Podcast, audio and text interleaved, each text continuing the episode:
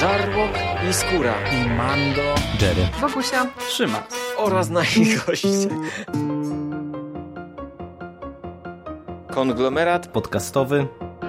Wasze ulubione podcasty w jednym miejscu.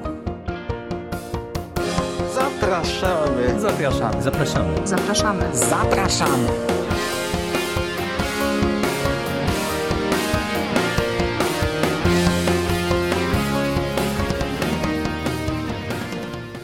Witamy w konglomeracie podcastowym, czyli na platformie, która zbiera wszystkie Wasze ulubione podcasty w jednym miejscu. Po tej stronie mikrofonu witają się z Wami Michał Dżeryrakowicz. Cześć Michale. Cześć Szymas, witam wszystkich słuchaczy. I Szymon Szymas-Sieściński, czyli ja. Witamy również. Dziś porozmawiamy sobie o powieści, którą przesłuchaliśmy obaj, ja wiem, już chyba przeszło miesiąc temu, prawda? No mniej więcej coś koło tego. Mhm. Opowieści naszego znajomego, Michała Ochnika, a więc misia z mistycyzmu popkulturowego, czyli o zimie. Od razu zaznaczamy, że nie jest to jednak recenzja sponsorowana ani nic takiego, bo takich rzeczy na konglomeracie nie uświadczycie. Zresztą za chwilę się też przekonacie o tym, że no w konglo raczej, recenzujemy szczerze. Yy, najpierw może właśnie zaznaczmy, że jest to debiutancka powieść Michała, wydana przez Genius Creations, od niedawna dostępna także w wersji audio i można ją pobrać m.in. w audiotece właśnie, prawda? Dokładnie tak, dokładnie tak. Mhm. Jeżeli chodzi o fabułę, to trafiamy w tej powieści do tytułowej zimy, do świata zimy, gdzie od przeszło 200 lat panuje legendarna Biała Królowa wraz ze swoją Białą Gwardią. Biała Królowa, która chętnie sprawia, że mieszkańcy królestwa, czasem i całe wioski znikają pod śnieżną pokrywą, zwłaszcza jeżeli e, ktoś jest jej i jej rządom nieprzychylny. I w świecie tym żyje sobie teatrolog Wiktor Kaju. Przybywa on na początku powieści do niewielkiej miejscowości, do Wadeline, w celu odnalezienia zaginionych sztuk oskarżonego o działalność rewolucjonistyczną dramaturga Samuela Zimmermana. Na miejscu Wiktor inwestuje w odbudowę i ponowne otwarcie lokalnego teatru, prowadząc jednocześnie śledztwo w sprawie tych wspomnianych dramatów. Po co mu te dramaty, czy zdoła je odnaleźć, tego dowiecie się w trakcie lektury. I jak słyszycie, e, mamy do czynienia z powieścią fantasy. Na pierwszym planie obserwujemy proces ponownego uruchamiania miejscowego teatru, na drugim zaś wątek e, tej wielkiej polityki, ruchu oporu, walki z monarchią, i też pojawią się tutaj oczywiście rozważania o roli sztuki, sztuki jako nośnika idei albo źródła rozrywki, rozważania nad różnymi obliczami rewolucji, nad odróżnianiem odwagi od brawury, nad rolą jednostki w społeczeństwie, czy może nawet jeszcze szerzej w świecie. I do tego, no właśnie, z jednej strony mamy te troszkę ciekawsze przemyślenia, a z drugiej taką fabułkę e, w jakiś tam sposób przygodową. I ja może już na wstępie powiem, że ja się nie czułem targetem tej powieści. Ja ostatnio czytam bardzo mało fantasy, bardzo mało takich światów poznaję jak tutaj ta zima i potrzebowałem chwili, żeby się e, do niej przekonać. A ty, Jerry? E, wiesz to wydaje mi się, że coś w tym jest, że mówisz, że nie do końca czułeś się targetem tej powieści, dlatego że mm, ja mm, kiedy zimę czytałem i po raz pierwszy, bo w sumie to było teraz moje drugie zetknięcie z e, tą powieścią w wersji audio, mam na myśli, mm, to od początku w zasadzie pochłaniałem ją jako taką baśń albo wariacje na temat y, young adult, y, bo wiesz, no to, to tego nie możemy za, y, przyporządkować właśnie do tego nurtu, no bo jakby się przyjrzeć, to wyznaczników, które go charakteryzują, tutaj mamy niewiele albo wcale, ale mimo wszystko właśnie przez ten taki baśniowy klimat, bo to celowo używam słowa baśniowy, bo to, to nie jest dla mnie takie typowe, wiesz, fantazy. Teoretycznie z tego opisu który przedstawiłeś, to można by wywnioskować, że mamy do czynienia z powieścią dosyć mroczną tematycznie, nie? No bo właśnie gdzieś tam ten terror, gdzieś tam e, jakby ta taka nie, nieprzychylna kraina i tak dalej, i tak dalej, ale e, całościowo ja właśnie miałem nieodparte skojarzenia z historiami takimi, wiesz, baśniowymi, które gdzieś tam tę, te mroczne elementy one przemycają, ale, ale nie są na, na pierwszym planie, czy nie wyciągają ich na pierwszy plan. Mhm. Znaczy... Nie wiem, czy właśnie z nomenklaturą tutaj możemy mieć problem, tak? Więc ja nie wiem, czy bym to ujął tak jak ty, ale myślę, że rozumiem do czego zmierzasz, bo rzeczywiście e, tu już dochodzimy do pierwszego z moich problemów. E, ten świat e, z narracji wydaje się strasznie nieprzyjemnie, no bo tam po prostu giną ludzie w niewyjaśnionych okolicznościach, czasem w liczbie hurtowej, ale jednak w gruncie rzeczy nie za bardzo czuć to tej powieści, zwłaszcza w jej pierwszej połowie, bo trafiamy do Wadeline, które jest takim miasteczkiem mm, może nie idyllicznym, ale spokojnym, sennym, jakoś niewyróżniającym się i dlatego tutaj za bardzo tego wszystkiego nie czuć. Wprawdzie tam w opowieściach różnych postaci e, widzimy ten bardziej, to bardziej mroczne oblicze tego świata przedstawionego, ale jednak my sami tego do końca nie doświadczamy. I nasz bohater ma bodajże około 30 lat, jeżeli się nie mylę. E, jest tym młodym paniczem ze stolicy, który przybywa tutaj jako osoba wykształcona, tak dobrze wychowana, e, obyta z kulturą, ma tę swoją misję i to w sumie e, mnie zaciekawiło. W ogóle Wiktor Kaju przypadł mi jakoś do gustu, ale zarazem e, jestem przekonany, że to nie jest jednostka, którą pokochają miliony, bo to właśnie mówię o tym fantasy, no bo w tym świecie nawet mamy jakąś tam magię, działania takie nadprzyrodzone, mhm. ale nie nadprzyrodzone jak z horroru, tylko właśnie jak z fantasy, ale właśnie Wiktor to nie jest żaden wielki wojownik, mag czy nawet bard, bo tutaj tak można pomyśleć w związku z tym samym kontekstem teatralnym. Wiktor to no właśnie, rewolucjonista, intelektualista, ale taki młody i przez to... Yy no to, no żeby ktoś nie pomyślał, że to jest jakiś taki Gandalf czy coś takiego, nie, nic z tych rzeczy, to jest właśnie teatrolog z wykształcenia i z zamiłowania, ekstrawertyk, e, dziwak, e, ale właśnie nie szalenie zwariat, to po prostu dziwak, e, tchórz przy tym w pewnym sensie, ale zarazem troszkę taki może po niemiecku rebele, po polsku, nie wiem, butny, taki trochę opryskliwy, pyskaty, człowiek zarazem odrobinę flegmatyczny.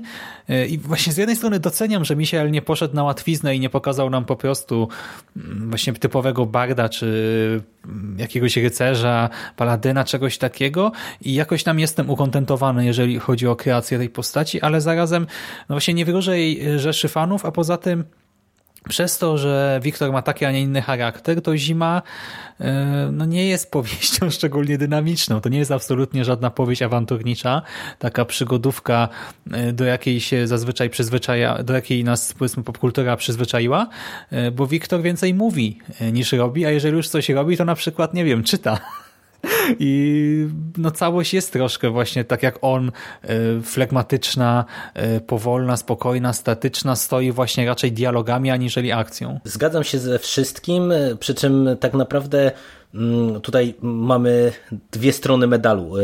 Wyciągając najpierw na pierwszy plan pozytywy, to ja się zgadzam z Tobą co do kreacji Wiktora Kaju, naszego protagonisty i dla mnie osobiście to jest spory plus, że mamy do czynienia z tak odmienną postacią, e, bo tutaj e, to wszystko, co powiedziałeś, to jak wymienia się te cechy, no to widać na pierwszy rzut oka, że e, one jakby nie przystają do roli protagonisty właśnie w fantazji. Nie? nie mamy tutaj do czynienia z jakimś e, herosem, e, nie wiem, silnym, sprawnym, e, jakimś nawet mega błyskotliwym, bo, bo też tutaj z tą błyskotliwością i, i intelektem Wiktora Kaju to czasem bywa różnie. I, I to jest taka postać, która no, nie jawi nam się jako naturalny, wiesz, taki mm, przywódca rewolucji, czy jakaś taka istotna szycha, tylko to jest właśnie taki trochę, e, brakuje mi słowa e, dobrego, e, taki rewolucjonista, ale mm, bardziej na zasadzie, na, na zasadzie swoich ambicji, swoich chęci niż powołania po prostu jako takiego, nie? Mhm. Ale w ogóle to jest taki bardziej Robin niż Batman, nie? Też mam wrażenie, że on mógłby być przybocznym dla kogoś innego, takim ciekawym i jako główny bohater, czy dla mnie on się też w sumie w miarę sprawdza, bo to, no to jest ciekawa kreacja, ale dla mnie też człowieka pod 30, bo gdybym miał myślę naście lat czy 20, gdybym był na początku studiów, no to mam wrażenie, że to niekoniecznie by była postać ciekawa z takiej perspektywy jednak, nie?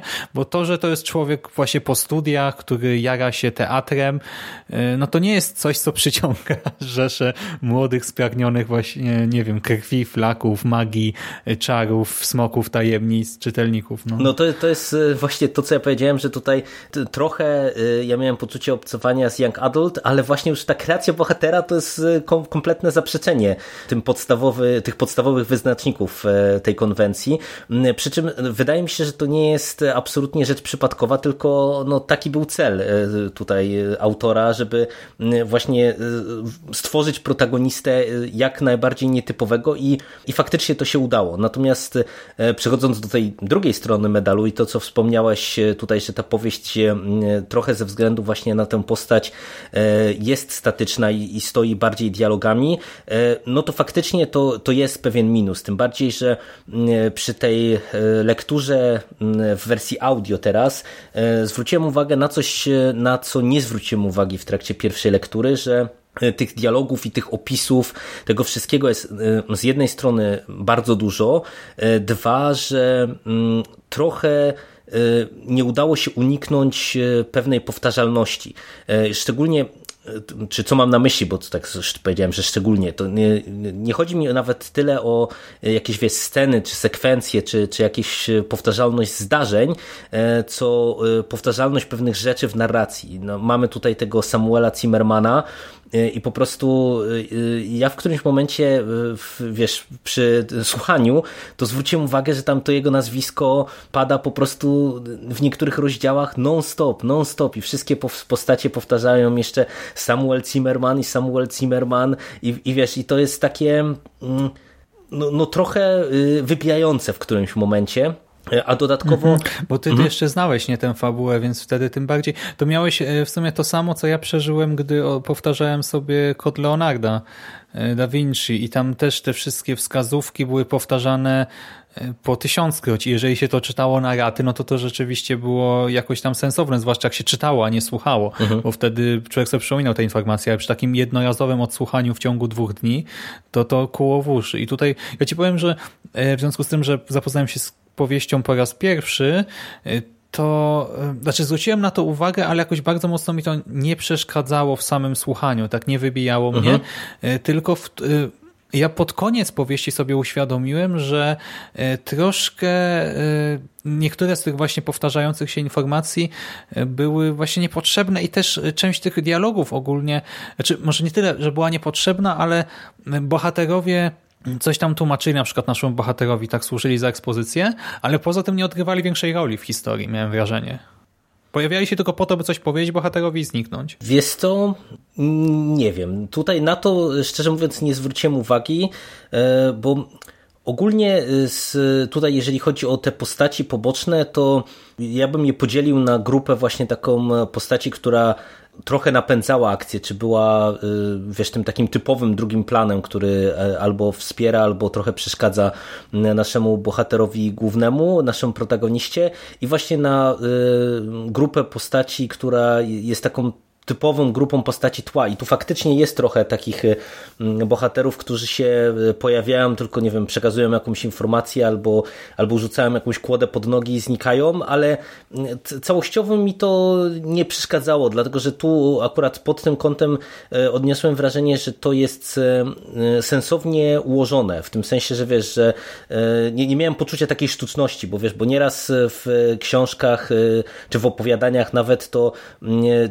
w trakcie trakcie lektury zwraca się uwagę na to, że nie wiem, że pojawia się jakaś postać tylko i wyłącznie na zasadzie, nie wiem, deus ex machiny, która ma mhm. podać bohaterowi jakieś rozwiązanie problemu albo, albo nakierować go na ścieżkę jakąś konkretną, a tutaj nie miałem akurat takich, wiesz, negatywnych odczuć w kontekście tych, tych postaci drugoplanowych, no ale też trzeba sobie jasno powiedzieć, że ich tutaj jakoś istotnych wiele nie ma, nie? że właśnie mamy w sumie sporą grupę bohaterów, szczególnie z tego miasteczka, bo w pewnym momencie to nawet można by trochę poczytać część tego miasteczka jako takiego bohatera zbiorowego, e, tylko odgrywanego przez różne postaci.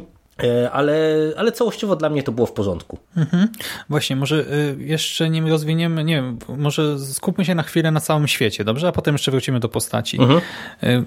Jak oceniasz e, wiarygodność i spójność tego świata? Bo mamy do czynienia e, właśnie z tą tytułową zimą, bo zima tutaj jest e, i tym, tym całym światem, tym krajem, państwem. Nie wiem w sumie do końca, co to jest, tak szczerze mówiąc.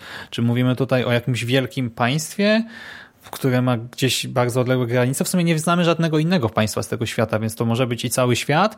To też jest po prostu pora roku. No i nie wiem, może ustrój też tego świata, e, te, te rządy właśnie, bo mówimy o rządach zimy chyba nawet, tak, tak mi się tak, tak wydaje. Tak, tak. I mamy właśnie tę naszą e, królową, mamy jej armię przyboczną, mamy te wszystkie nieprzyjemne e, zjawiska, E, wiemy o istnieniu jakichś tam sił nadprzyrodzonych w tym świecie? Jak to wszystko się przemawia?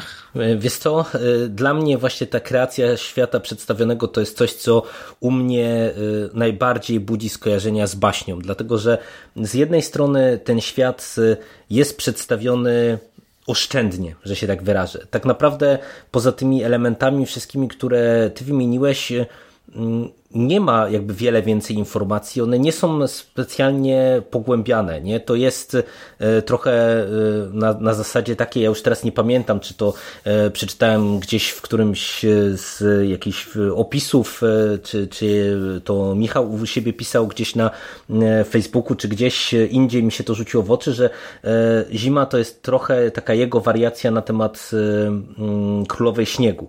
I wiesz, i tak naprawdę to się rzuca mocno w oczy w konstrukcji tego świata, no bo wiesz, teoretycznie mamy y, tutaj przedstawiony ten ustrój, ale my do końca y, nie znamy mechanizmów rządzących tym światem. Nie mamy y, te, te takie pojedyncze te elementy, jak na przykład właśnie chociażby tą białą gwardię, która w którymś momencie odgrywa istotniejszą rolę co do których mamy więcej informacji, trochę się dowiadujemy, e, jak na przykład ta organizacja działa i, i tak dalej, ale z drugiej strony ja w niektórych, przy niektórych elementach miałem nieodparte wrażenie, że one są po prostu e, zarysowane tak oszczędnie, żeby dać pole do popisu wyobraźni i czasem aż nazbyt oszczędnie, no bo na przykład mamy tę magię tego świata przedstawionego i pewne elementy tej magii y, są nam tutaj zaprezentowane, ale do końca ja nie wiem, jak, jak to wszystko działa, czy jak to wszystko funkcjonuje. Ale w ogóle nie? chyba ten wątek w którymś momencie wyleciał, ja mam wrażenie, z lektury, czy z powieści, bo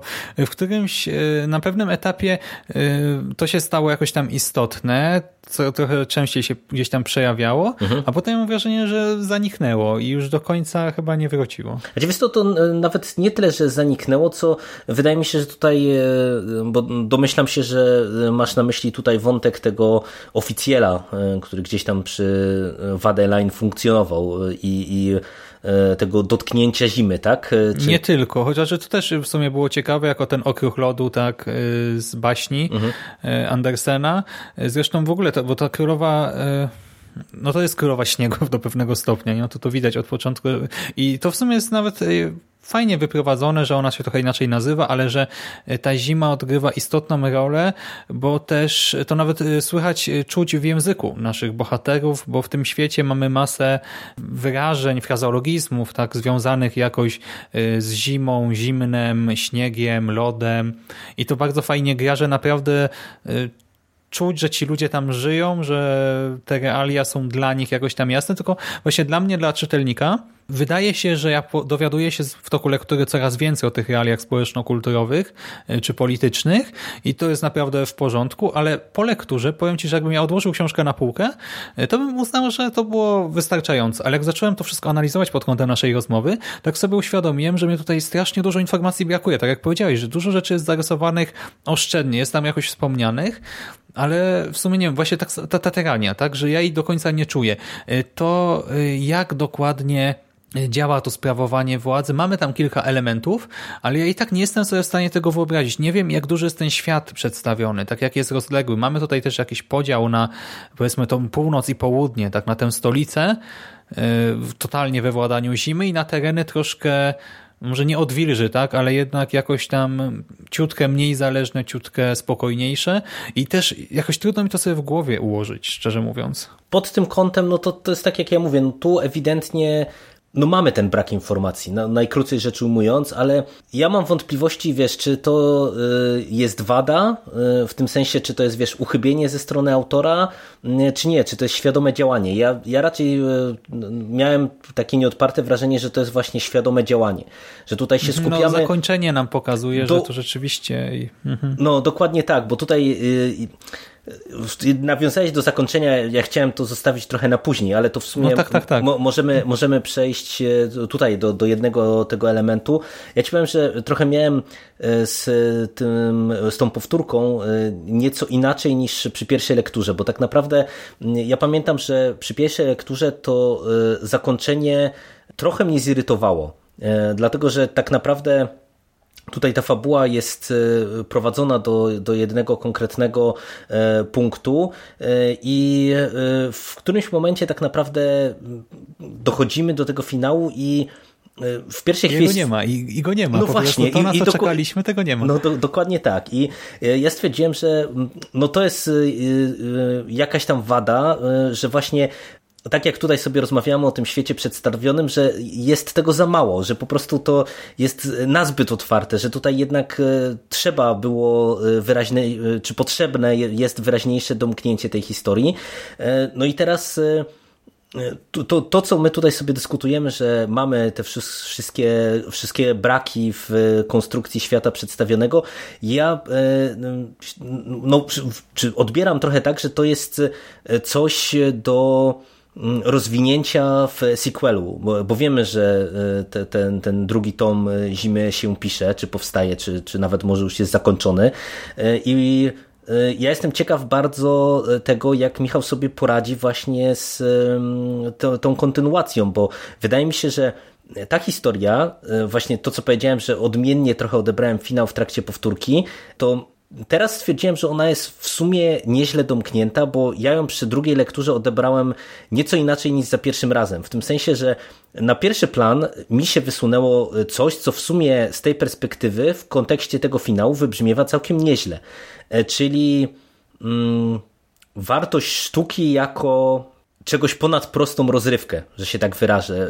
Y, sztuki mhm. jako... I do tego też to funkcjonowanie tej małej społeczności, nie tego, co ma na nią wpływ, na co ona ma wpływ. Dok dokładnie tak. I wiesz, i z tej perspektywy, je jeżeli y, tak naprawdę trochę właśnie zejdziemy na ten poziom mikro i, i na to, co w sumie jest przecież nawet z perspektywy Wiktora Kaju jakąś taką najistotniejszą cechą, czyli właśnie, że on jest tym teatrologiem, że on jest tym człowiekiem sztuki, to ja stwierdziłem, że z tego punktu widzenia to właśnie ta pewna niedookreśloność tego świata przedstawionego jest dla mnie w porządku, bo tutaj y, to, to nie jest y, powieść, która ma się na tym skupiać. Nie? To nie jest y, historia w gruncie rzeczy taka społeczno-polityczna, czy z zacięciem społeczno-politycznym. Właśnie, że dlatego ja mam duży dylemat, bo z mhm. jednej jednej strony ja się z tym absolutnie zgadzam, bo też chciałem to powiedzieć w końcówce, że tak w gruncie rzeczy to my trochę przekłamujemy tutaj e, z tym zarysem fabuły, ale tak samo jak sama powieść to przekłamuje, bo sugeruje nam, że to będzie książka o A i B. A ostatecznie się okazuje, że a było tylko, y, nie wiem, symbolem czegoś, metaforą, czy y, drogą do pokazania C, y, a B było w gruncie rzeczy w dużej mierze nieważne. Było tylko tłem, na którym właśnie to C się ujawniło.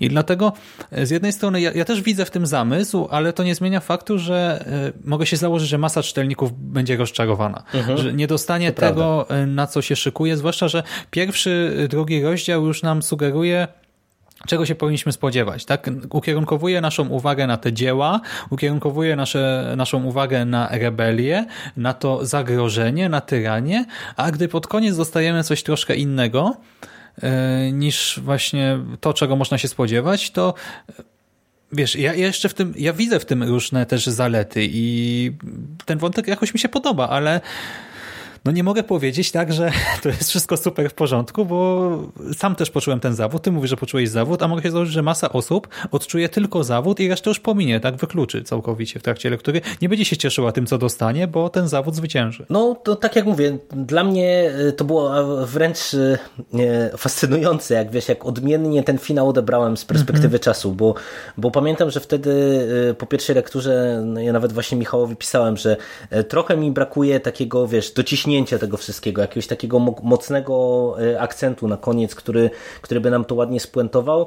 No i, i tak jak mówię, no w tej chwili e, zupełnie inaczej to odebrałem, lepiej e, właśnie te, ten finał oceniam, ale ja się zgadzam w pełni z tym, co mówisz, tylko że tutaj wydaje mi się, że ten zawód to, to może być nie tylko kwestia tego finału, bo w ogóle jak, jak o tym rozmawiamy, no to jest trochę tak, że jeżeli się sięgnie tylko po opis i, i rozpocznie właśnie lekturę, no to e, można by się było spodziewać właśnie w ogóle e, prostej przygodówki, a to jest mimo wszystko e, inna nieco historia, nie? I tutaj tak naprawdę właśnie i przez konstrukcję, właśnie przez tą pewną statyczność fabuły i przez to na jakie elementy całej tej historii są kładzione akcenty, no to tak naprawdę już nawet zostawiając czy odstawiając nieco na bok finał, no to wiesz, dojście do, do, do tego finału dla kogoś, kto się spodziewa po prostu takiej e, typowej fantastyki, e, no też na pewno e, będzie zaskoczeniem niekoniecznie pozytywnym, nie? No bo tutaj jeżeli się mhm. ktoś nastawi na akcję, no to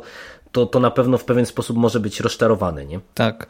E, to właśnie, mówimy, że powieść e, składa się w dużej mierze e, z opisów i z dialogów, to może porozmawiamy chwilę o języku.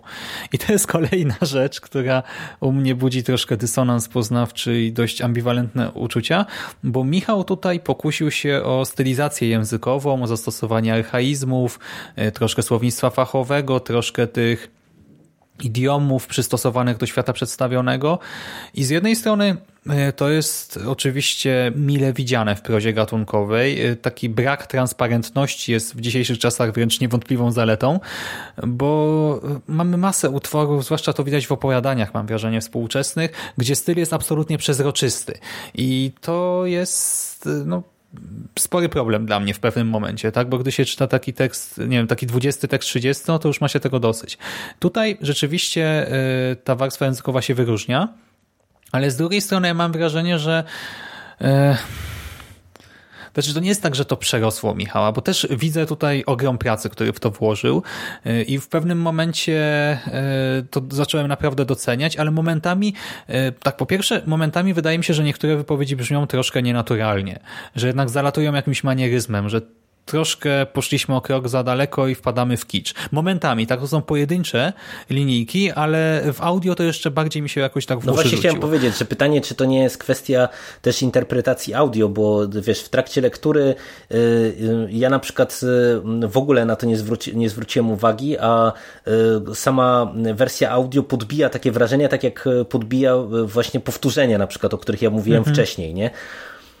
Znaczy, to bardzo możliwe, ale tak ja po prostu mówię, także mhm, w trakcie tak, tak, odsłuchu tak, kilkakrotnie odniosłem wrażenie, że bohaterowie na przykład zapominają się, używają słów, których nie powinni mieć w swoim idiolekcie, e, a taki drugi problem z tym językiem jest taki, że e, tutaj absolutnie wszyscy, e, i młodzi, i starzy, i ta społeczność lokalna, i goście ze stolicy, arystokrata, ten młody panisz, nie wiem, pani z gospody, wszyscy mówią, mam wrażenie, tak samo wszyscy mówią tym samym e, no, językiem i to też troszkę mi się gryzło momentami, bo tak e, spodziewałem się jednak, że wiesz, no ten facet po studiach młody, taki właśnie charyzmatyczny, mhm.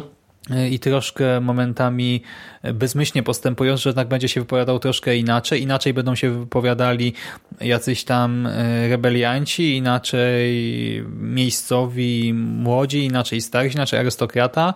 W sensie, no niekoniecznie, że każdy ma zupełnie inny język, nie? Ale tak czułem, że brakuje jakiejś tutaj też różnicy, zróżnicowania. Hmm. Mogę się chyba z Tobą zgodzić, bo tak naprawdę jak teraz to wykładasz, to faktycznie zwróciłbym uwagę na, na pewne te elementy, chociaż e, przyznam się też bez bicia, że w trakcie lektury mi się to nie rzuciło w oczy, no ale to nie jest e, żadna tajemnica, że ja jeżeli chodzi o język, szczególnie wiesz, w fantastyce, to ja niekoniecznie zwracam na niego uwagę, ja o tym często często powtarzam i często na to narzekam. Czasem e, mam tylko tak, jak wiesz, jak e, mamy e, książki pokroju, nie wiem, Ligotiego, gdzie tam tak naprawdę mhm. materia języka jest równie istotna jak to, co dostajemy w fabule. O, przepraszam, wiercenie w tle.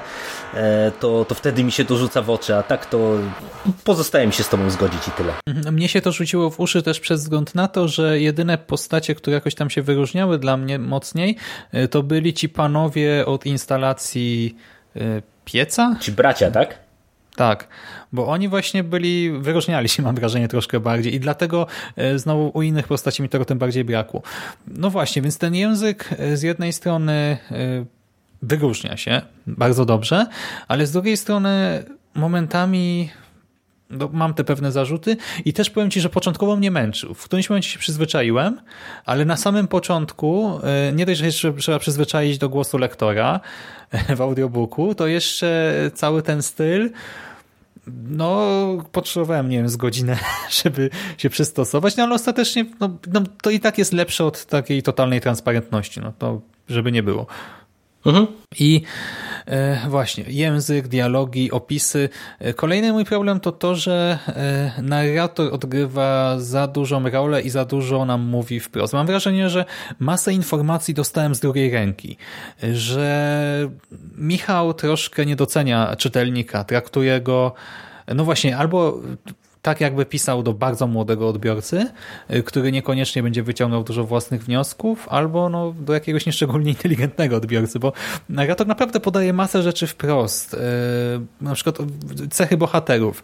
Y, po lekturze, gdy się nad tym zastanawiałem, nieco wiem o poszczególnych bohaterach, no tam sobie mówiłem sam do siebie, tak na przykład ta postać to jest taka, taka i taka, ale nagle sobie uświadamiałem, że e, tak powiedział mi narrator, a niekoniecznie ja to widziałem. Także gdyby ktoś mnie zapytał, dlaczego uważasz, że jest taka i taka, to bym nie umiał tego uzasadnić. E, tu jest też kilka takich scenek, mam wrażenie, gdzie e, nie wiem, przykładowo zamiast zobaczyć rozkwitające uczucie między bohaterami, e, nie wiem, obserwować e, mowę ciała, gesty i samemu wyciągać jakieś wnioski, to że narrator mi mówi wprost, czytelniku, patrz, ci mają się ku sobie, czy w drugą stronę. Gdy ktoś odczuwa strach, to narrator mi mówi, tak, że on się bał, a nie pokazuje nam przestraszonego bohatera i tak dalej. I to akurat mi się wydawał spory problem na przestrzeni całej lektury, bo przez to bohaterowie, którzy mają jakieś cechy szczególne e, w narracji, tak w ustach narratora, e, jakby się nad nimi zastanowić, tak nad tym, w jakich sytuacjach ich poznajemy, stają się papierowi całkiem, bo Właśnie teraz tak z moich własnych doświadczeń po lekturze trudno mi opisać większość z postaci. E, na przykład nawet te nasze dwie najważniejsze bohaterki utworu, czyli Biała Królowa i jej przeciwniczka Roda Gabriel, mają tak naprawdę bardzo małe pole do popisu, e, żeby tutaj zrobić cokolwiek, tak? E, żebyśmy my mogli je zobaczyć w akcji, posłuchać ich przez więcej niż trzy linijki na krzyż, żeby móc samodzielnie stwierdzić, że rzeczywiście ta bohaterka jest taka, a ta bohaterka jest taka, bo samo to, że narrator mi coś mówi, no to to za mało i ostatecznie ja mam wrażenie, że tutaj większość postaci to są niestety postacie bez właściwości. E, tak samo mamy tego Lorda, o którym wspomniałeś wcześniej, Lorda Reuten e, Straucha, który przechodzi pewną przemianę e, i rzeczywiście akurat w jego przypadku widać jakąś tam ewolucję postaci, tylko że ja znowu tutaj też nie do końca rozumiem, jak do tego doszło. Może, nie wiem, nieuważnie czegoś słuchałem, ale Wydawało mi się, że narrator wprost powiedział, yy, opisał mi moc działania yy, królowej, yy, białej królowej a potem pokazał mi, yy, opisując pewną sytuację, że to nie, jednak niekoniecznie jest tak, jak wcześniej mówił i znowu mam problem. Tak samo sam Wiktor. W sumie o Wiktorze mamy sporo yy, informacji. tak Jest yy, jakaś, jak, jakiś tam background do niego, jakaś geneza jego postaci, ale tutaj też ja mam wrażenie, że w tym wszystkim zagubiło się meritum, bo chociaż mógłbym o Wiktorze opowiadać przez kwadrans teraz i to akurat tutaj też oceniając nie tylko to, co mówi narrator, ale i czyny, to w sumie, no ja nie wiem, dlaczego robi to, co robi do końca. Brakuje mi trochę w jego motywacji cały czas. Poruszyłeś bardzo dużo kwestii i tak Sorry. naprawdę wydaje mi się, że tutaj tak zacząłeś od narratora, przechodząc do paru różnych kwestii, które nie do końca moim zdaniem z, wynikają jakby z problemu narratora, że tak to nazwę, to co tutaj mhm. sobie ująłeś, bo zaczynając trochę od środka, nawet nie od końca, tylko od środka i nawiązując do tego, co, co wspomniałeś tutaj na przykład o e, naszych e, antagonistkach, bohaterkach. takich bohaterkach, mhm. czyli o e, Białej Królowej i Rudej Gabriel, to wydaje mi się, że to, że one są dosyć mocno niedookreślone, to jest kwestia w dużej mierze tego, że po prostu to są postaci z tła. I to takiego, y, ja bym powiedział, nawet trzeciego tła. Y, wiesz, z jednej strony mamy królową, która tak naprawdę jest tym takim y, arcyłotrem, ale do którego na etapie tego pierwszego tomu to, to my w zasadzie się nie zbliżamy. Ja nie wiem za bardzo e, skąd ona się wzięła, jakie do końca ma moce i jak to w tej chwili funkcjonuje. Mhm. Więcej wiemy o Rudej Gabriel, no bo tutaj nasz e, bohater też się z nią spotyka i ona ma pewną rolę do odegrania, e, ale no to, to też jest, wiesz, taka postać, o której my więcej się dowiadujemy właśnie z tej narracji, przez tę opowieść o tym, jak ona się stała kim, tym, kim się stała i, i co ją na, jakby napędza napędza, e, niż by to wynikało z samej akcji. I, i tutaj mm, z tego punktu widzenia, to wiesz, to mm, wydaje mi się, że to, że my o tych postaciach wiemy relatywnie niewiele, no to jest po prostu e, e, kwestia też odzwierciedlenia ich roli w całej tej historii, w całej tej powieści. Tak, ale zobacz, w roli, znaczy ich rola w historii rzeczywiście jest nieduża, ale w konstrukcji bohaterów już jest całkiem spora, bo Ruda Gabriel jest przeciwstawiana królowej, Białej Królowej. Mhm, tak, tak, tak tak. są jakby prezentowane jako dwa e, skrajne bieguny.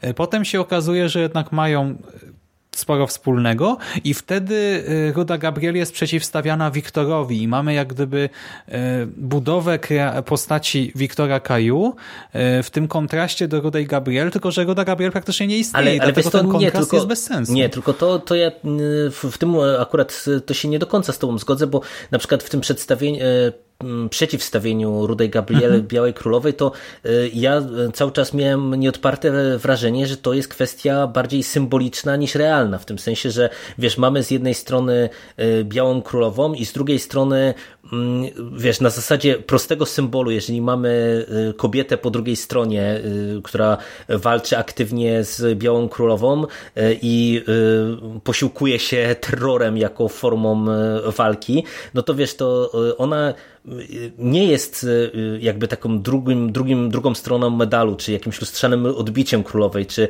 ona nie jest jakby przeciw, przeciwstawiana, czy przedstawiana jako postać, która jest jakaś w, w kontekście Białej Królowej, tylko ona jest tym takim symbolem, że z jednej strony mamy, wiesz, y, Białą Królową, która y, no, jest tym, tym takim, wiesz, tyranem tutaj w tym świecie przedstawionym, a z drugiej strony mamy właśnie Rudą Gabriel, która jest pewnym symbolem symbolem ruchu oporu, tej, tej krwawej mhm. strony ruchu oporu.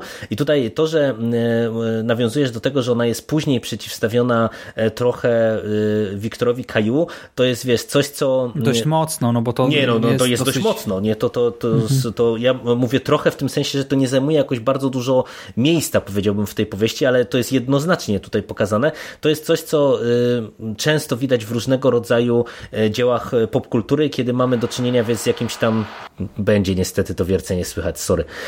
E, z jakimś tam ruchem oporu i mamy w nim frakcję. Nie? To teraz bardzo mocno widać e, mhm. w uniwersum Gwiezdnych Wojen, gdzie w nowym kanonie e, jest cały czas kreślona grupa tam wokół Sała Gerery, gdzie to są, wiesz, tacy trochę psychopaci, nie? że to jest takie ugrupowanie w ruchu oporu, które nie boi się zabijać, mordować i tak naprawdę wyznaje zasadę cel uświęca środki i, i mamy tę rebelię bardziej taką, powiedziałbym, idylliczną, czyli że wiesz, oczywiście walczymy z, z tymi złymi, zabijamy, jeżeli to jest konieczne, ale y, y, raczej unikamy takiej, wiesz, bezpośredniej przemocy, czy, czy jeżeli to nie jest konieczne, to, to po broń nie sięgamy, nie? Więc tutaj to ja y, nie miałem z tym problemu, bo dla mnie to jest po prostu taka taki dosyć naturalny dyskurs, jeżeli mówimy tutaj o e, formie walki zbrojnej. No bo to wiesz, no to jest tak naprawdę coś starego jak świat. No jeżeli walczyć z tyranią, no to można, można się opierać, no to... można się opierać na,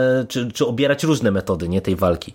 Jerry, ale ja rozumiem właśnie, że to jest reprezentacja tych konkretnych frakcji, tylko problem y, dla mnie jest taki, że jeżeli tak traktujesz Rodą Gabriel, to ona zupełnie, ona jest papierowa, tak? Ona nie ma żadnych wtedy właściwości. Jest właśnie papierkiem, która ma być tym zło, złem okay. zwalcza. I... Nie, no okej, okay. to no rozumiem o co ci chodzi. Nie? Że to Więc jest po brakuje prostu... mi tutaj jednak podbudowania, bo to jest postać, która ma potencjał do bycia e, właśnie ciekawą stroną konfliktu. A jeżeli ona ma być tylko tym e, takim e, no, tym przeciwieństwem, tak, że ona jest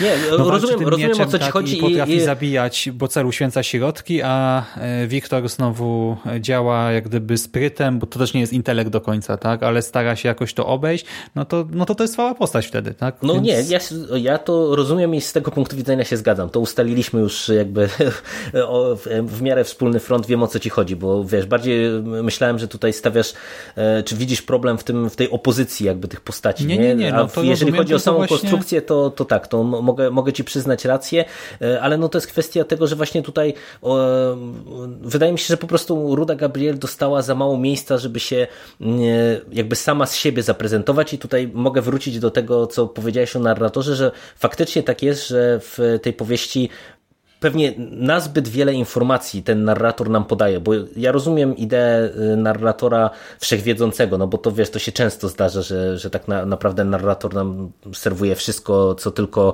y, akurat autorowi jest y, potrzebne, natomiast y, ja pewnie też bym wolał i to z perspektywy tej drugiej lektury to, to bardziej mi się to rzuciło w oczy, y, żeby te postaci bardziej przemawiały za siebie. W tym sensie, że tu, tutaj tak, tak naprawdę łączy nam się trochę różnych elementów, o których już mu, mówiliśmy wcześniej, bo raz to jest kwestia jakby samego narratora, Dwa, to jest kwestia właśnie e, tej opisowości pewnej, e, którą mamy tutaj, jeżeli chodzi o całą tę fabułę, że, że wiele rzeczy mamy zaprezentowanych jako e, element o historii, albo ktoś komuś o czymś opowiada, zamiast jakby takiego przedstawienia przez akcję. Bo pewnie, i, i ta, ja rozumiem, że tutaj to jest pewnie też element właśnie tego problemu, o którym tak, tak mówimy tak, tak. Przy, przy okazji Rudej Gabriel, że my przecież teoretycznie mamy ją dosyć dobrze opisaną pod kątem kątem jej motywacji, tego, y, co doprowadziło ją do tego punktu, w którym jest i tak dalej, i tak dalej, ale to jest znowu opowieść, nie? To, to nie jest tak, że y, my to y, widzimy na zasadzie, nie wiem, jakiejś takiej akcji, czy, czy, czy tego jak ona się zachowuje w kontekście y, świata przedstawionego, nie wiem, w interakcji z innymi postaciami, tylko po prostu mamy przedstawioną opowieść o niej. Nie? I tutaj faktycznie pewnie y, lepiej by to zagrało, y, gdyby po prostu dać postaciom więcej miejsca, żeby one same nam się nieco bardziej przedstawiły, niżli po prostu ustami narratora. No dokładnie o to mi chodzi, bo jeszcze nie wiem, jak mamy Samuela Zimmermana, tak, postać, która nie żyje, no to ja rozumiem, że ona jest przedstawiana przez opowieści innych bohaterów i opowieści e, postaci, które e, go poznały. I to jest ok, ale jeżeli każda postać w tym świecie praktycznie jest mi prezentowana w ten sposób, no to już mam trochę problem, bo potem nawet jeżeli dochodzi do jakiejś interakcji, e, to ona w gruncie rzeczy no mało znaczy, tak? Zwłaszcza, że te interakcje też są krótkie. W ogóle to jest powieść, która bardzo mocno stoi Wiktorem Kaju i jego punktem widzenia, jego podejściem do rewolucji, ogólnie do ludzi, do świata, w którym żyje. Hmm? To jest e, niezaprzeczalny fakt, ale właśnie z perspektywy finału i tego, co, e, tak jak ja wspomniałem, wydaje mi się być najważniejsze w tej powieści, czyli tej, tej sztuki jako, wiesz, czegoś ponadto, to wydaje mi się, że ta perspektywa jest akurat ciekawa. Natomiast zanim e, jakby rozwiniemy jeszcze ten, ten wątek, mm. myślę, to ja bym się chciał cofnąć jeszcze do naszego Lorda, bo ty wspomniałeś, że dla ciebie ta przemiana bohatera jest jakby nie do końca czytelna, a mi się wydaje, że to akurat dobrze znaczy, zagrało. Nie tyle, przemiana jest widoczna nie? I, I ta ewolucja w którymś momencie, e, no ja ją rozumiem, ale ja widzę w niej dziurę po prostu. Znaczy, wiesz, to, to, to y, ja nie miałem z tym problemu, dlatego że mi się wydaje, że to jest, to jest nieźle rozpisane. W tym sensie, że ja rozumiem, dlaczego Lord decyduje się podjąć pewne kroki, które, które, na, na które tak, się ale sam początek tej interakcji między Wiktorem a Lordem. Lord mhm. ma być postacią o, o tym kamiennym sercu, bezgranicznie posłuszną ale, e, ale zwróć uwagę nawet na to, co się dzieje w finale, że, bo ja, ja, rozumiem, e, z czym masz pewien problem, że on na, w pewien sposób jakby okazuje emocje e, w, w finale powieści. Znaczy on zaprzecza narracji dotyczącej tych ludzi, których dotknęła królowa, mam wrażenie, na samym początku, bo potem to ja rozumiem, potem widzę ten rozwój. Ale, ale nie, ale to... właśnie ja się nie do końca tutaj z tobą zgodzę, bo zwróć uwagę na coś, co jest szalenie istotne, że sam Lord mhm. i tutaj tak jak rozmawiamy o tym, że bardzo wiele rzeczy nam podaje e, narrator, to akurat w przypadku samego Lorda to on jakby tak, tak, przedstawia tak. nam ten swój punkt widzenia, e, to e, ja to odebrałem w ten sposób, że to nie jest tak, że on tutaj jakby czemuś zaprzecza, jakby okazując w pewien sposób emocje, tylko to jest coś, co ja bym nazwał takim wyborem trochę logicznym właśnie, a nie emocjonalnym mhm. z jego perspektywy, w tym sensie, że, że to nie są już uczucia, to nie są już y, e, emocje, w tym, tylko to jest, wiesz, coś, co taka pamięć o emocjach, coś, co, wiesz, z jego perspektywy on jakby pamięta i czuje, nie? że na przykład, wiesz, jeżeli mamy wątek y, Lorda i jego córki, no to on wprost o tym mówi, że to, to już nie jest e, emocja, jaką my znamy, nie? Na zasadzie miłości, nie wiem, przywiązania czy strachu o, dziecko i tak dalej, i tak dalej, tylko to jest na zasadzie takiej e, pamięci komórkowej, nie? że on się czuje e, nadal odpowiedzialny, że ta córka jest dla niego osobą istotną, ważną i, i że tak naprawdę no, też dla niej on zrobił jakby to, co zrobił i i wiesz, i to jakby dla mnie nie przeczy właśnie jedno drugiemu, nie? Bo ja widzę cały czas, że tutaj on jest osobą już skażoną, on jest osobą e, skażoną w tym sensie, wiesz, te, tego dotknięcia lodu, nie? Że to, to nie jest tak, że nagle tutaj idąc bajkowym tropem, wiesz, to jego serce się roztopiło i, i nie wiem, mamy przemianę bohatera taką stricte baśniową, tylko ja bardziej to rozumiem, że to jest, wiesz, jego decyzja taka nomen omen na chłodno skalkulowana i, i oparta o, o, pewne, e, o pewne wiesz, przesłanki ze sfery raczej logiki niż emocji. Mhm, no dobra, no to w ten sposób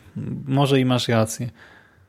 Hmm, znaczy to tak jak był jeden z najciekawszych wątków w całej powieści. Mhm, to się zgadza. I akurat on się rzeczywiście rozgrywał na moich oczach, ja go mogłem sam oceniać na bieżąco i wyciągać wnioski, więc to akurat absolutnie na plus. No dobra, no i nie wiem, chciałbyś jeszcze coś poruszyć z tych wątków po drodze? Czy nie, postaci, nie. Czy... My, myślę, że tutaj chyba wszystko, co istotne powiedzieliśmy. Myślę, że jeszcze możemy właśnie podejść e, e, pod finał i pod perspektywę Wiktora Kaju. Mhm. No i właśnie, Michał e, Ochnik, autor, na koniec nie postawił na żadną Deus Ex Machinę i cudaczny zwrot akcji, Właśnie wręcz przeciwnie. I tutaj moim zarzutem jest to, że troszkę poszedł na łatwiznę, bo wszystko, co tutaj zrobił, ma sens, ale Właśnie, to nie jest e, coś, co usatysfakcjonuje większość czytelników, mam wrażenie, a ponadto wydaje mi się, że e, część rzeczy nie do końca wybrzmiała w końcówce, bo właśnie okazuje się, że to jest w dużej mierze utwór o, o tej sztuce, o tych wszystkich rozważaniach, o których wspomniałem wcześniej i o małej społeczności, o małej społeczności, która w jakiś sposób ewoluuje. Tak jak wspomniał Michał, e, tutaj Jerry, który ze mną rozmawia wcześniej, ta, ci mieszkań, mieszkańcy Wadeline, którzy pomagają Wiktorowi otworzyć na nowo ten teatr, którzy tam są aktorami, czy pracują przy budowie, czy po prostu gdzieś tam sobie żyją e, w tle. E, oni są troszkę bohaterem zbiorowym i to czuć bardzo mocno, zwłaszcza w finale, bo początkowo jeszcze tam każdy ma jakąś swoją rolę do odegrania, a pod koniec to już jest prostu społeczność. Widzimy, jak wielki wpływ ta społeczność miała na Wiktora, jak wielki wpływ miały działania Wiktora na nią, ale ja mam wrażenie, znaczy ja odczuwałem niedosyt mimo wszystko, powiem Ci na koniec, gdy myślałem o Wiktorze e, i o tym, e, co osiągnął, czy też czego właściwie nie osiągnął, bo on był katalizatorem pewnych wydarzeń i ja rozumiem, że w fantasy e, czasem podróż jest ważniejsza od celu, od destynacji, ale ten cel, który on osiągnął ostatecznie jest dość banalny. Ja mam wrażenie, że duża część tej jego, tego jego drogi tej jego drogi e, poszła na marne zwyczajnie. Że, no, no, no wiesz, no nie wiem, czy się, nie mogę się wysłowić, sorry. E, znaczy chyba, chyba rozumiem, e, do czego zmierzasz, że tak naprawdę w, przez większość powieści y, mamy kreowaną tajemnicę, która może odmienić ten świat, a okazuje się, że tak naprawdę finał y, trochę no, no, no, nie ma tajemnicy no, właśnie. Strywializował, nie, to, to, nie wiem, czy to jest dobre, najlepsze słowo w tym kontekście, tę tajemnicę. E, I e, tak jak ja mówiłem, e, nawiążę do tego, co, co chwilę wcześniej wspomniałem, ja się z tobą w pełni bym zgodził po pierwszej lekturze, bo dokładnie to samo Michałowi napisałem, że tu naprawdę mm, się rzuca w oczy taki brak tego właściwego finału. Przy czym ja mówię... Ale właśnie, Jerry, mhm. czy przy drugiej lekturze nie odniosłeś wrażenia mimo wszystko ponownie, że ten morał, który się pojawia na końcu mhm. jest troszkę zbyt banalny. Właśnie pasuje bardziej do opowieści dla dzieci, e, to pierwsza rzecz, a druga, że e, ta droga, którą przeszedł Wiktor Kaju i ofiary, które, ta ofiara, którą poniósł, mhm. E, te wszystkie straty, do których doszło po drodze, że to nie było warte tego, do czego on doszedł. Mimo wszystko. Nawet jeżeli myślimy tak symbolicznie, idealistycznie o tym wszystkim. Znaczy wiesz to, to ja bym to trochę rozgraniczył, bo e, z jednej strony e, ten morał wydaje się faktycznie taki e, no, baśniowy. To, to, to ja też nie bez przyczyny od początku mhm. mówię o zimie jako o baśni, dlatego że ten finał z punktu widzenia jakby tego morału jest dla mnie właśnie taką klamrą, która domyka baśń. Natomiast z perspektywy tego drugiego elementu, o którym ty wspominasz, ja z, właśnie przy tej drugiej lekturze zupełnie inaczej na to spojrzałem, bo z jednej strony to dokładnie tak jest, że e, tutaj się okazuje, że w sumie po pierwsze jakby nie ma, czy nie było jakby tajemnicy, a raczej tajemnica była nieco inna niż, niż by nam się wydawało e, i z drugiej strony to się może wydawać jakby takim bardzo dużym ciosem jakby dla bohatera, natomiast tu ja wyróżniam jakby dwa elementy te, tej końcówki. Raz, że Podoba mi się w sumie, jak y, to jest gorzki finał, bo to jest coś, co w sumie jest y, y, bardzo nietypowe, wydaje mi się, mimo wszystko na, w takiej konwencji, wiesz, takiego przygodowego fantazy, że tutaj tak naprawdę nie możemy mówić o jakimś pozytywnym zakończeniu całej tej opowieści. I to jest y, mhm. nieźle rozegrane z jednej strony, z drugiej strony właśnie dla mnie ten taki gorzki finał, on nieźle gra y, z tym, co mówię, co, y, w czym ja upatruję tego głównego przesłania książki, czyli tego, że tak naprawdę sztuka, która tutaj jest rozumiana bardzo dosłownie, nomen omen, jako właśnie te dramaty tego Samuela Zimmermana, jest czymś takim, co e, jakby może wpływać e, w realny sposób na rzeczywistość, bo e, zwróć uwagę, że z perspektywy tego finału to jest trochę tak, że on w kontekście świata przedstawionego tego całego, tej zimy, to tak naprawdę możemy powiedzieć, że mamy negatywne zakończenie. Nasz protagonista poniósł porażkę na różnych frontach i, i tak naprawdę właśnie to, co wspomniałeś, że to okazuje się, że to nie było warte te, tego poświęcenia tego wszystkiego, y, tych wszystkich ofiar, które dostaliśmy po drodze. Natomiast z drugiej strony zwróć uwagę, jak y, w kontekście tego finału wygląda chociażby Wadeline i to, co się stało w tym y, takim mikroświecie, że tak naprawdę okazuje się, że ta, ta porażka w tej skali makro przełożyła się na mm, zwycięstwo w pewien sposób w skali mikro, że dla tego świata przedstawionego, dla tych postaci, które my poznaliśmy, no to mimo, że e, tutaj tak naprawdę, wiesz, e, rewolucja e, nie osiągnęła w pełni tego, co sobie zamierzyła, no to jednak ta zmiana w tej skali mikro jest bardzo wyraźna, wydaje mi się, w, kontekście te, tego, tego, co widzieliśmy na początku, a tego, co dostajemy w finale. Mhm. Nie miałeś takich Tylko odczuć? Wiesz, bo to, to właśnie nie do końca, bo to jest mimo wszystko zmiana y, w Wadeline. To jest zmiana no tak, tej to dokładnie, ale to ja o tym mówię, że, że, że to jest, wiesz, to jest zmiana w skali mikro, nie? No tak, ale właśnie chodzi mi o to, że kurczę, te koszta były jednak duże, a tak naprawdę no, no ja czuję, że Wiktor trochę nawalił jednak w tym wszystkim. I tutaj też mam problem taki, że jeżeli to rozpatruję yy, jakoś tak y, symbolicznie, nie? No to doceniam to w pewien sposób, ale jednocześnie to jest na tyle banalne, że znowu mam dysonans, tak? Z jednej mhm. strony y, ta cała symbolika rozważania, które, czy nie wiem, czy bohater nietypowy, który do przeciętnego czytelnika, mam wrażenie, nie koniecznie musi trafić, z drugiej strony ta pewna banalność, y, odarcie tego świata y, z jakiejś y, głębi, z tej prawdziwej jakiejś takiej polityki wielkiej, nie na miarę właśnie gry o tron, ale na miarę jakichś rozważań właśnie, takich dla dojrzałego odbiorcy, no to się dla mnie trochę gryzie, nie? że w końcu właśnie nie wiem, do kogo to jest, tak? kto ma się tym w pełni cieszyć, bo mam wrażenie, że młody odbiorca właśnie nie doceni tego, co ja doceniam. Ja znowu nie doceniam tego, co się młodemu odbiorcy może bardziej spodobać i tak...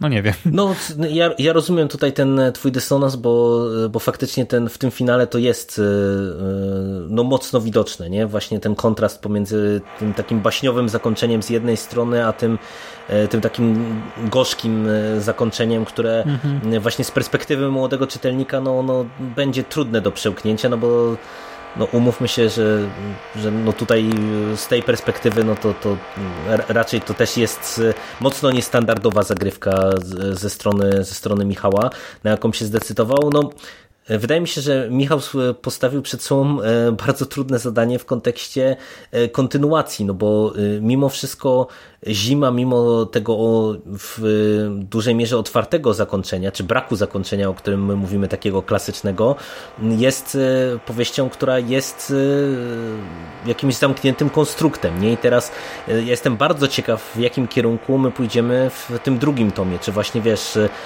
dostaniemy poszerzenie tego świata, czy poznamy go lepiej, na przykład, czy się bardziej skupimy na y, jakimś konflikcie, no bo wiesz, y, tutaj jeżeli y, jest tak, jak ja czytam Zimę w tej chwili, że tutaj w dużej mierze to jest właśnie książka, książka o, o sztuce, o roli sztuki i, i w ten sposób ja ją odbieram, no to ta jak historia jest zamknięta. No właśnie, no właśnie. Ta, ta historia jest zamknięta i teraz tak naprawdę ten drugi tom y, musi stanowić w pewien sposób nowe otwarcie, co no, na pewno jest y, dużym wyzwaniem, no bo wiesz, nawet sam Wiktor, to co wspomnieliśmy tutaj, e, to co, to co wspominałeś, no to jest postać, która jest bardzo mocno zakorzeniona właśnie w tych swoich poszukiwaniach, w tych swoich dążeniach, w tym, że tak naprawdę no, dla niego tym motorem napędowym był Samuel Zimmerman i, i jego sztuki. No i teraz... I on coś odnalazł, ale sam się nie zmienił i jeżeli w przyszłym tomie miałby, nie wiem, chwycić za szabelkę czy mieczyk, no, no właśnie, to właśnie, no właśnie dlatego ja jestem bardzo ciekaw, wiesz, jaki tutaj e, Michał sobie obrał e, wariant w przypadku kontynuacji, no bo mówię, duże wyzwanie przed nim na pewno, tak bym powiedział. No dobrze, no to myślę zmierzając ku podsumowaniu, jak słyszycie, ja mam bardzo mieszane uczucia. To nie jest tak, że jakoś strasznie się zawiodłem, że y, absolutnie nikomu nie polecam, że nie wiem, miałem wrażenie jak po The Strain, książkowym po wirusie. Nie, absolutnie nie, ale właśnie na początku nie czułem się do końca targetem. Potem zaintrygowała mnie ta główna postać. Wiktor Kaju mi się spodobał. Język, który początkowo troszkę mnie jakoś tak irytował, wydawał mi się znaczy, no czułem, że to jest stylizacja, tak? Nie, był dla mnie nienaturalny, w którymś momencie się do niego przyzwyczaiłem i y, ostatecznie mi się podobał, chociaż z tymi kilkoma uwagami wspomnianymi wcześniej jednak. Y, bohaterowie, y, dopóki nie zaczniemy tego wszystkiego analizować, są w porządku, ale ostatecznie no, brakuje im właściwości, są znaczy narracja nam mówi, że to, to, to, to w co mamy wierzyć, tak? Mówi nam, że bohater A jest taki, bohater B jest taki, C jest taki, niekoniecznie to widać jednak ostatecznie i to wszystko prowadzi nas taką statyczną opowieść, ale właśnie to jest statyczne, nawet powiedziałem wcześniej, nie, że flegmatyczne czy coś, ale to nie jest nudne, bo y, czytało mi się, czy czytało, słuchało mi się tego jednak z przyjemnością. To nie jest tak, że ja ziewałem, tutaj przysypiałem, czy coś takiego. Y, ten świat mnie wciągnął, świat mi się podobał, tylko że im bardziej analizuję go, tym właśnie więcej widzę tych białych plam. Okazuje się, że ta moja wiedza jest dość powierzchowna, że ci bohaterowie są całkiem płytcy i tak naprawdę ta analiza mi bardzo mocno psuje książkę, bo na etapie takiej samej lektury, no to to była okej, E, w porządku rozrywka e, z jakoś tam mm, niesatysfakcjonującym pod pewnymi względami zakończeniem. Tak jak zakończenie troszkę zyskuje, jak się nad nim zastanowić, bo ma tam jakiś przekaz dla nas, y, tak reszta książki, im bardziej analizujemy, tym myślę bardziej się rozpada. Ostatecznie no średniak, tak. No, ja nie mogę niestety tego nie, ani nie odradzę, ani nie polecę, tak szczerze. Po prostu średnia powieść z kilkoma ciekawymi elementami. No tutaj e, z tej perspektywy właśnie mojej ponownej lektury to tak jak e, mi się zima podobała przy pierwszym podejściu, tak podobała mi się przy drugim, natomiast też z uwagami. No, rozmawiamy godzinę już w zasadzie, więc ja nie będę powtarzał tutaj tych uwag krytycznych, które e, i ty jakoś tam zinwentaryzowałeś przed chwilą jeszcze ponownie i nad którymi tutaj dyskutujemy. Tu jest sporo rzeczy, które można by było poprawić, poprawić, ale y, wiesz, ja jakby... To jest debiut też, ja, ja też rozumiem, że no... Dokładnie, właśnie, bo tutaj myślę, że trzeba pamiętać o tym, że to jest debiut i e, że mamy do czynienia z powieścią, która ma duży potencjał jakiegoś tam rozwoju. I myślę, że to, że tutaj my jesteśmy w pewien sposób zawiedzeni niektórymi tymi elementami, to jest też związane z tym, że właśnie pomysły, czy wiele pomysłów tutaj jest bardzo ciekawych, bardzo intrygujących i aż by się chciało, żeby one były po prostu e, dodatkowo rozwinięte. No teraz e, pytanie, tak jak wspomniałem przed chwilą, jest otwarte, co otrzymamy w sequelu, e, w jaką stronę Michał tę całą opowieść, ten swój świat popchnie. A sięgniesz po sequel?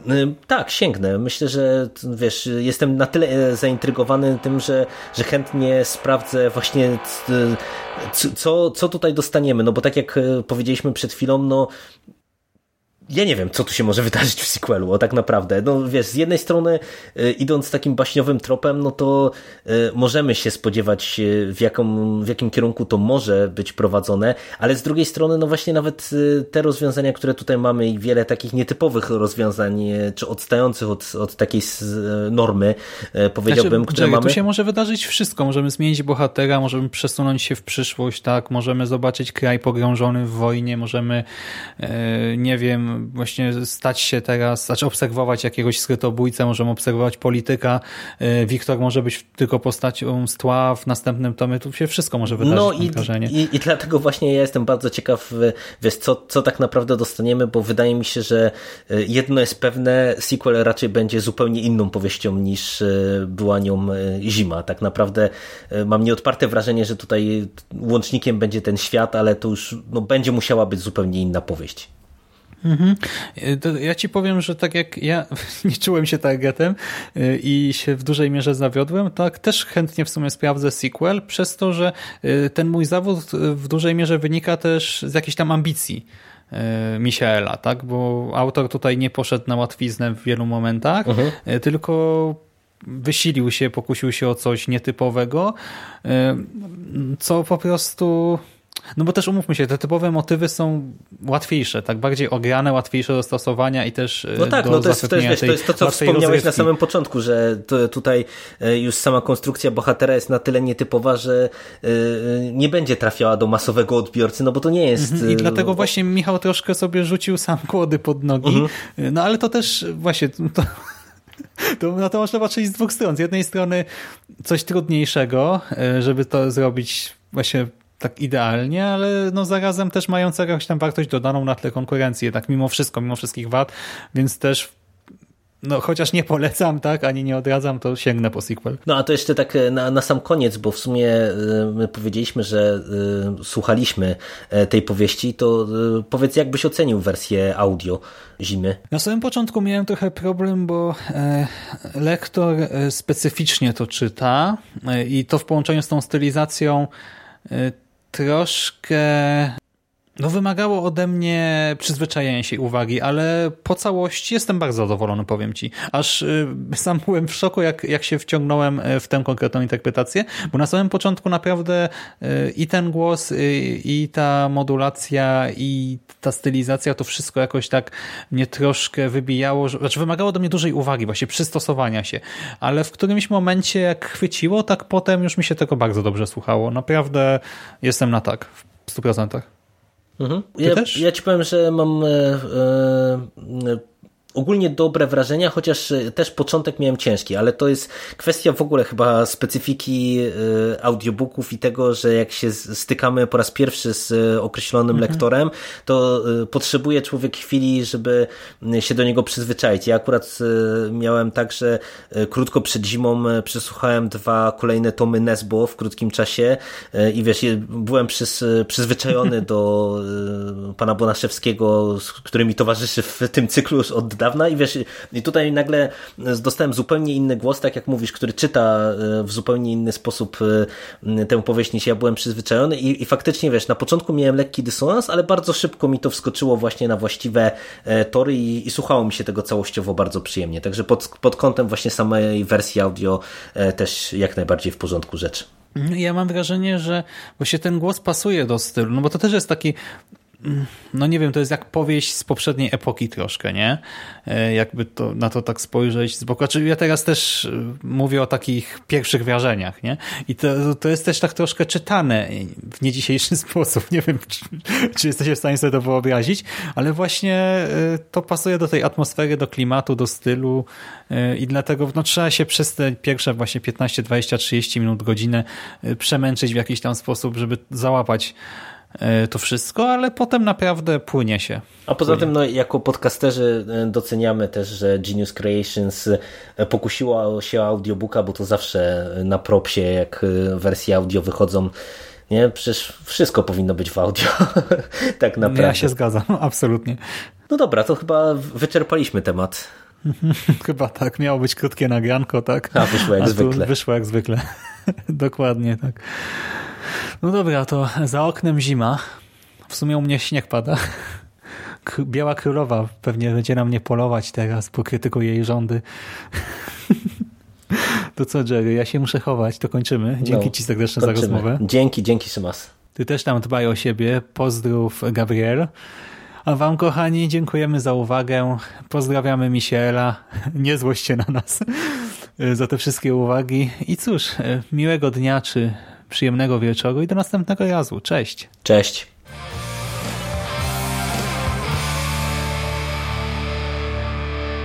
You finished? That's it, man. Game over, man. It's game over. What the fuck are we gonna do now? What are we gonna do? It's over. Nothing is over. Nothing. You just don't turn it off.